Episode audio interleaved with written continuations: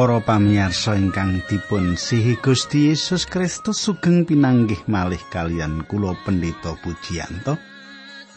Kula kados padatan badhe sesarengan kalian panjenengan ing salebetipun adicara margi utami. Panjenengan pirsa bilih adicara margi utami menika panjenengan kula dherekaken sinau kayektosan pangandikanipun Gusti secara urut saking perwaling dumadi ngantos dumugi ing Wahyu kitab Wahyu makaten nanging samenika nembe dumugi Nehemia makaten nggih. Nah para pamirsa menawi panjenengan nembe kemawon mirengaken adicara menika, monggo ing saben-saben kula sowan wonten ing ngarsa panjenengan sugeng midhangetaken adicara menika.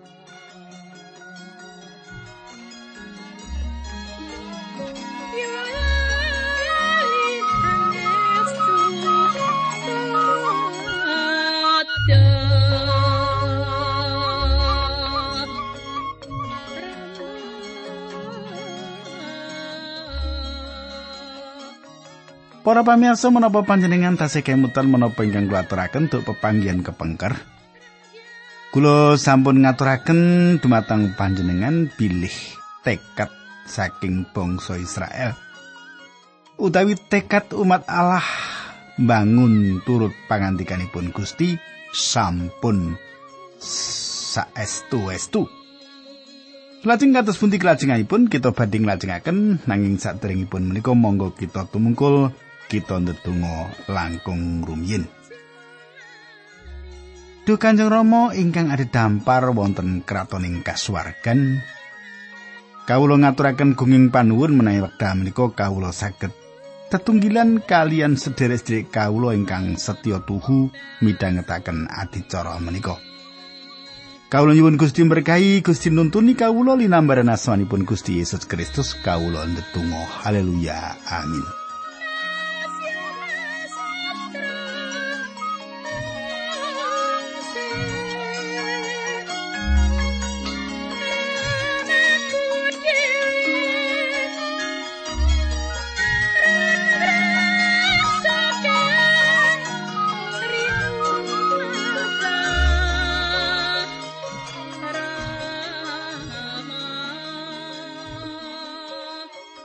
Para pamirsa samenika pasinaon kita lumebet ing kitab Nehemia bab sedasa.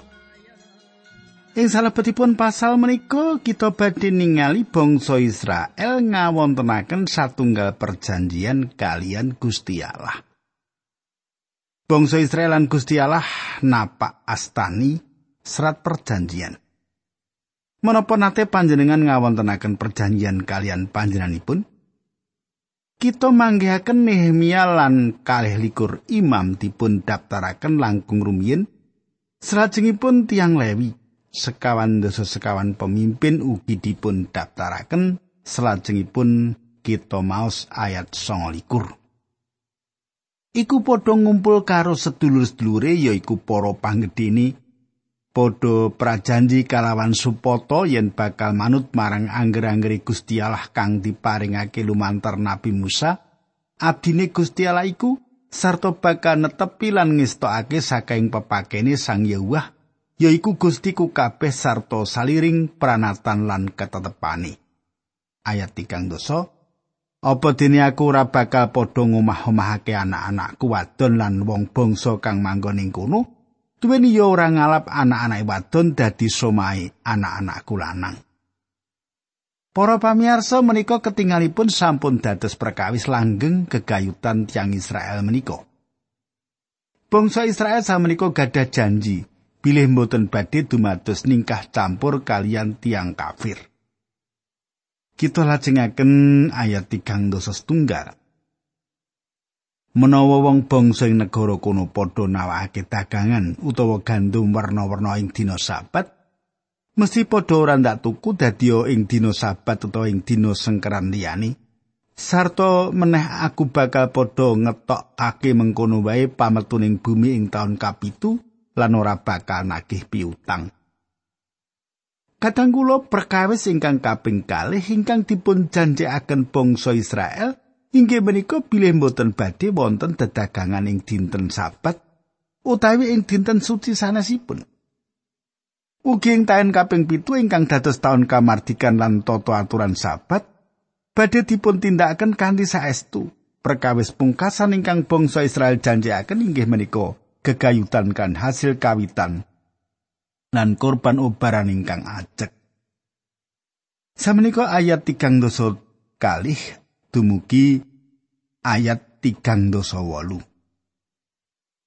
Saben taun aku saben wong siji bakal nyumbang sloka limang gram kanggo ngrumat pedalamane Allah. Aku bakal nyawisake barang-barang sing dibutuhake kanggo ngibadah ing pedalamane Allah, kaya roti sajen, gandum sausan pedinan, kewan kanggo kurban hubungan pedinan, barang-barang suci liyane, kurban-kurban pangupuraning dosa kanggo Israel, lan apa wae sing dibutuhake dening pedalamane Allah. Aku rakyat para imam lan para wong Lewi saben taun arep gawe undian kanggo netepake keluarga sing kudu nyambesake kayu obong kanggo kurban-kurban kunjuk marang pangeran Allahku manut pernatane Torat. Aku saben taun arep nggawa hasil gandum sing kawitan menyang pedalemane Allah. Semono uga wawan sing mateng dhisik dhewe ana ing wit-witanku. Anakku lanang sing barep bakal ndak jak sowan imam ana ing pedalemane Allah. supaya disaosake marang Allah manut pernatane Torat. Mengkono uga anake kewan-kewanku sapi, wedhus gembelan wedhus Jawa sing lair dhisik dewi. Aku saben taun areng nggawa marang para imam ing pedalemane Allah jladren gandum sing dipaneni dhisik dhewe. Semono uga barang-barang liya-liyane rupa anggur, lenga zaitun lan wawan rupa-rupa. Aku arep nyaosake sapro sepuluhe pametune palemahanku marang wong Lewi kang nglumpukake pisungsung tanem tuwuh ing petisan-petisan. Nanging yen para wong lewi nglumpukake pisungsung mau kudu dikanteni, para tedhake Harun sak prosepule pisungsung mau kabeh kudu digawa dening wong lewi lan kasimpen ing gudangi pedalemane Allah. Para pamirsa samenika kita lumebet kitab Nehemia 11 nggih. Bab 11 ayat 1. Para pemimpin padha manggon ing Yerusalem, rakyat milih saka saben 10 brayat. Brayat siji sing kudu manggon ing kutha suci Yerusalem, nggone milih mau nganggo diundi sing ora kepilih kena manggon ing kutha-kutha liyane. Para pamirsa, tiang-tiang menika mbucal undi setunggal saking saben sedaya tiang badhe manggen ing Yerusalem. Songo sisanipun badhe pindah dateng kita sanes-sanesipun Menika ugi satunggal kahanan ing pundi badhe kathah pangresula. Ayat kalih Ing antarane brayat-brayat mau ana sing metu saka rilaning atine dhewe njaluk tetep manggon ing Yerusalem, mula padha dialem dening rakyat. Para pamirsa, tiang-tiang menika kita mboten tepang, nanging Gusti Allah mirsani satunggal mbukus tunggal lan panjenenganipun nyerat nami-naminipun awet tiang-tiang menika gadah manah ingkang rila. Kita lajengaken ayat 13. Ing kutha-kutha liyane rakyat Israel, para imam, para wong Lewi, para pelayan pedalemane Allah lan para turune abdine Sulaiman padha manggon ing poman duwe dewi-dewi wong Yehuda lan wong Benyamin padha manggon ing Yerusalem. Para pamirsa ing salebetipun ayat-ayat salajengipun kadaptar nami-nami tiang-tiang ingkang rilo manggen ing Yerusalem. Gusti Allah nyerat manah tiang ingkang rilo. Selajengipun pasinon kita lumebet kitab Nehemia kalih welas. Pasal menika nglajengaken daftar ingkang dipun wiwiti ing salebetipun pasal 11. Kita langsung mawon, lajeng kemawon ayat 17 ngantos 18. Nalika tembok kutha Yerusalem disaosake marang pangeran, wong-wong Lewi saka ndi-ndi diklumpukake supaya melu ngriyayake kedadian mau srana menyanyi atur panuwun dibarengi musik gambus lan celempung. Para penyanyi Lewi mau banjur padha nglumpuk saka daerah panggonane sakiwa tengene Yerusalem lan saka kutha-kutha sakubenge Netofa. Kadang kula bangsa menika mbeta tiang-tiang ingkang main musik ingkang kadaptar ing mriki inggih menika nami-nami saking tiang-tiang ingkang kasrat ing salebetipun kitab pagesang sang tempe. Tiang-tiang menika nglempak lan negohaken tembok Yerusalem. Nehemia beto tiang saking pundi-pundi papan ing papan panaguan lan menika awit Yerusalem satunggalipun papan ing pundi pedalaman suci kabangun. Ayat kawan doso, golongan penyanyi loro mau wekasane anjok ing sak cedhake pedalaman Allah. Para pamirsa salajengipun Nehemia ndaftaraken nami para imam, para imam ingkang wonten ing mriku. ayat kawan dosa tiga ing dina kuwi akeh kurban sing disaosake marang Allah rakyat padha seneng-seneng merga wis keparingan kabejan dening Allah para wong wadon lan bocah-bocah uga padha melu pesta giyak-giyake suarane nganti keprungu adoh. Para pamirsa saestu satunggal paseksi dumateng tiang-tiang ingkang boten tepang Gusti ingkang wonten ing sakiwa tengenipun. Salah setunggal sebab tiang namung lumampah nglangkungi gereja inggih menika awit tiang-tiang menika gadah pikiran gereja menika mbosenaken.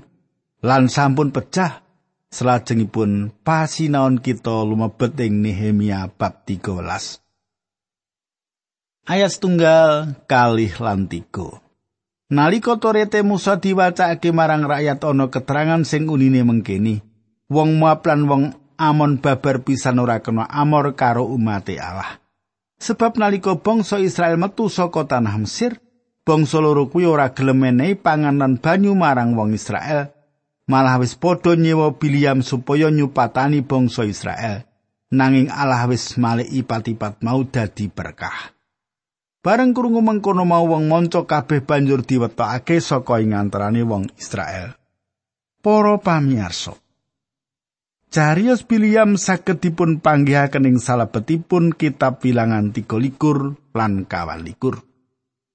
Bangsa Israel maos laporan menika lan mutusaken pilih perkawis ingkang kedah dipun tindakaken inggih menika bangun turut pangandikanipun Gusti Allah. Bangsa menika sampun nindakaken ningkah campur kalian bangsa Amon lan Moab. Ingkang sejatosipun sampun dados laranganipun Gusti Allah.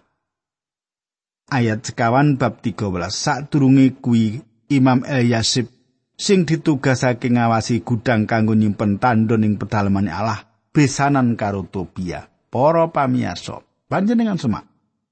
Imam Agung menika piyambak sampun rak dawuhipun Gusti Allah Gusti Allah nglarang ningkah campur kalian bangsa ingkang boten tepang Gusti Allah. Malah piyambakipun ugi nindakaken kados makaten ayat gangsal. Eliasib ngidinake Tobia ngenggoni kamar gedhe sing dicawisake kanggo nyimpen pisungsung gandum menyan prabot sing dinggo ana ing pedalemane Allah. Pisungsung sing kanggo para imam, gandum pro sepuluhan, anggur lan lengo saitun sing didum-dum marang wong Lewi, para ahli musik lan tukang jaga gapurane pedalemane Allah. Para pamirsa, imam menika nyaosaken gudang pedalemane Allah dumateng Tobia. Imam-imam boten malih beto sesaosan umat dumateng gudang pedalamanipun Allah. Samenika ayat 6 kantos dumugi songo bab 13 makaten surasipun. Nalika semono aku lagi ora ana ing Yerusalem sebab nalika taun kang kaping 32 peperintah Artasasta Raja Babel aku lagi menyang Babel ngaturake laporan marang Sang Prabu barang wis sawetara suwe aku diparengake mulih menyang Yerusalem. Satekaku ing kono aku kaget dene Elyasib aweh pamondokan marang Tobia ana ing pedalemane Allah. Aku nepsu banget. Barang-barange Tobia nulindak buang saka kamar mau. Sawise mengkono aku akon nganakake upacara kanggo nucekake kamar-kamar mau. Sarupane pisungsung gandum menyan lan prabot-prabote pedalaman Allah banjur ndak balekake mrono. Para pamirsa, panjenengan katosaken. Nehemia paring dawuh supados ruangan menika dipun sucikaken. Sepindah malih ruangan-ruangan dipun tata malih dumateng arah tujuanipun kados sekawit ing salebetipun peladusan dumateng Gusti Allah. Nanging Nehemia mboten mandek ing mriku kemawon ayat doso. Kejaba kuwi aku ngerti yen para ahli musik lan wong-wong lain padha lunga saka Yerusalem bali menyang pomahane dewi-dewi merga kebutuhane ora dicukupi dening rakyat. Para pamirsa, tiang lewi ingkang rados sing pedalaman Allah mboten dipun sengkuyung sak cekapipun. Dados tiang Lewi kedah pados pendamelan kanthi nyambut damel ing pateginan. Awit saking menika peladusan dumateng Gusti Allah kasupekaken. Jaman samenika kathah pendhita dipun suwun nindakaken langkung kathah pendamelan tinimbang ingkang saged dipun tindakaken. Wonten pendhita mbetahaken bantuan ngurus tanggal jawab gereja kanthi makaten piyambakipun bebas nyiapaken khotbah lan ndedonga. Ayat 18 Duh Allah Mugi kersa ngengeti samukawis ingkang sampun kawula tindakaken wonten ing pedalamanipun paduka menika. Para pamirsa. Nehemia nyuwun Gusti Allah nyerat menapa ingkang sampun dipun tindakaken lan Gusti nindakaken. Dipun serat ing salebetipun pangandikanipun. Nehemia ugi manggihaken bilih tiang-tiang nindakaken perkawis sanes malih, tiang-tiang sami nerak dinten sabat. Ayat gang 11 lan wolulas. Nalika semono aku weruh wong sawetara ing Yehuda padha mersanggur ing dina Sabat, ana maneh sing momoti kuldine karo gandum, anggur, kismis, pohara lan barang-barang liyane digawa menyang Yerusalem. Ana wong sawetara saka Tirus sing manggon ing Yerusalem, padha nggawa iwak lan barang dagangan rupa-rupa menyang Yerusalem ing dina Sabat arep didol marang rakyat. Para pemimpin Yahudi nuli ndak welehake lan ndak elekake mengkene apa kowe padha ngerti yen kowe wis padha gawe piala mergo wis najisake dina sabat. Yo mergo dosa sing mengkene mengkene iki para luhur kita padha dihukum dening Allah lan kutha iki digempur. Apa kowe saiki arep nambahi dukane Allah marang Israel srana nggonmu najisake dina sabat? Para pamirsa Nehemia ngimutaken umat Israel kegayutan pangipati-patipun Gusti Allah ingkang saderengipun nempuh bangsa menika awit nindakaken menapa ingkang sawektipun lampahi samenika. Ayat 19 lan selikur. Mulane aku banjur perintah supaya lawang-lawang gapura ditutup ngarepake dina sabat. Ya kuwi dina jemaah sore lan ora kena dibuka sadurunge dina sabat rampung, ya kuwi dina setu sore. saben lawange gapura dak kon jaga wong-wongku dak kon ngawasi supaya ing dina sabat aja ana barang dagangan digawa mlebu kutha. Nanging ana kalane para sedagar lan wong dodolan padha nginep ing sakjabane tembok ing dina Jumat bengi. Wong-wong mau padha ndak kandhani, ora ana gunane kowe nunggu tekan esuk. Awas, yen kowe nindakake sing kaya mengkono sepisan kas kowe mesti ndak cekel. Wiwit nalika kuwi wong-wong mau padha ora teka meneh ing dina sabat. Para pamirsa panjenengan tingali. Tiang-tiang ingkang dedagangan menika mangertos. Bilih perkawis menika perkawis ingkang saestu lan tiang-tiang menika mboten nate dumugi malih. Samenika panerak sanes dados kawigatosanipun Nehemia. Panjenengan semak ayat 33 ngantos langkung Nehemia 13. Ing wektu semono aku ya weruh akeh wong Yahudi sing padha kawin karo wong wadon bangsa Asdod, Amon lan Moab. Temak anak-anak ana sing ora ngerti basa Yahudi, sing dingerteni mung basa Asdod utawa basa Moncolyani. Wong-wong mau padha ndak welehake lan ndak ilihake, ana sing ndak gebuki lan ndak jambak rambute, sawise mengkono banjur padha ndak kon sumpah demi Allah yen dheweke lan anak-anake ora bakal kawin karo wong monco meneh. Para pamirsa. Nehemia manggihaken pilih tiang Yahudi sampun ningkah campur kalian tiang-tiang ingkang boten tepang Gusti. Nehemia maksa bangsa menika sumpah pilih bangsa menika badhe mandek anggenipun ningkah campur kalian tiang monco. Kebangunan rohani badhe tangsahan dadosaken ewah-ewahan. Satunggal satunggalipun coro supados bangsa kita saged ngrampungaken perkawis-perkawis ingkang dipun adapi inggih menika lumantar kebangunan rohani ing pungkasanipun Nehemia ngendika ayat 29 ngantos 31 Pandungaku duh Allah kawula kersa ngengeti kados pundi tiang-tiang menika anggenipun sampun jemberi kalenggan imam lan najisaken perjanjian paduka kalian para imam lan para tiang lewi kaya mengkono-nggonku ngresiki bangsa Israel saka sake pengaruhi wong monco.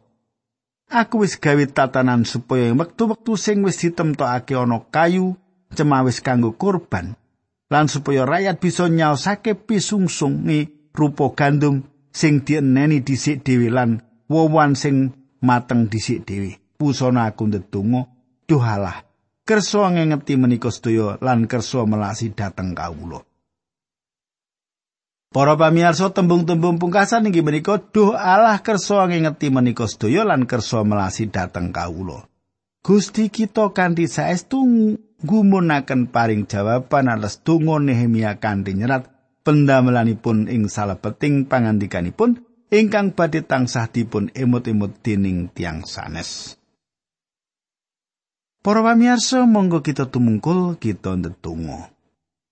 Kanjeng Rama swarga kawula ngaturaken gunging panuwun menawi wekdal menika kawula saged midhangetaken sabda pangandikan paduka lan kawula suwun sepatus menapa ingkang dados pangandikan paduka menika saged dados panglipuran kangge kesang kawula dinambaran asmanipun Gusti Yesus Kristus kawula netunggal haleluya. Amin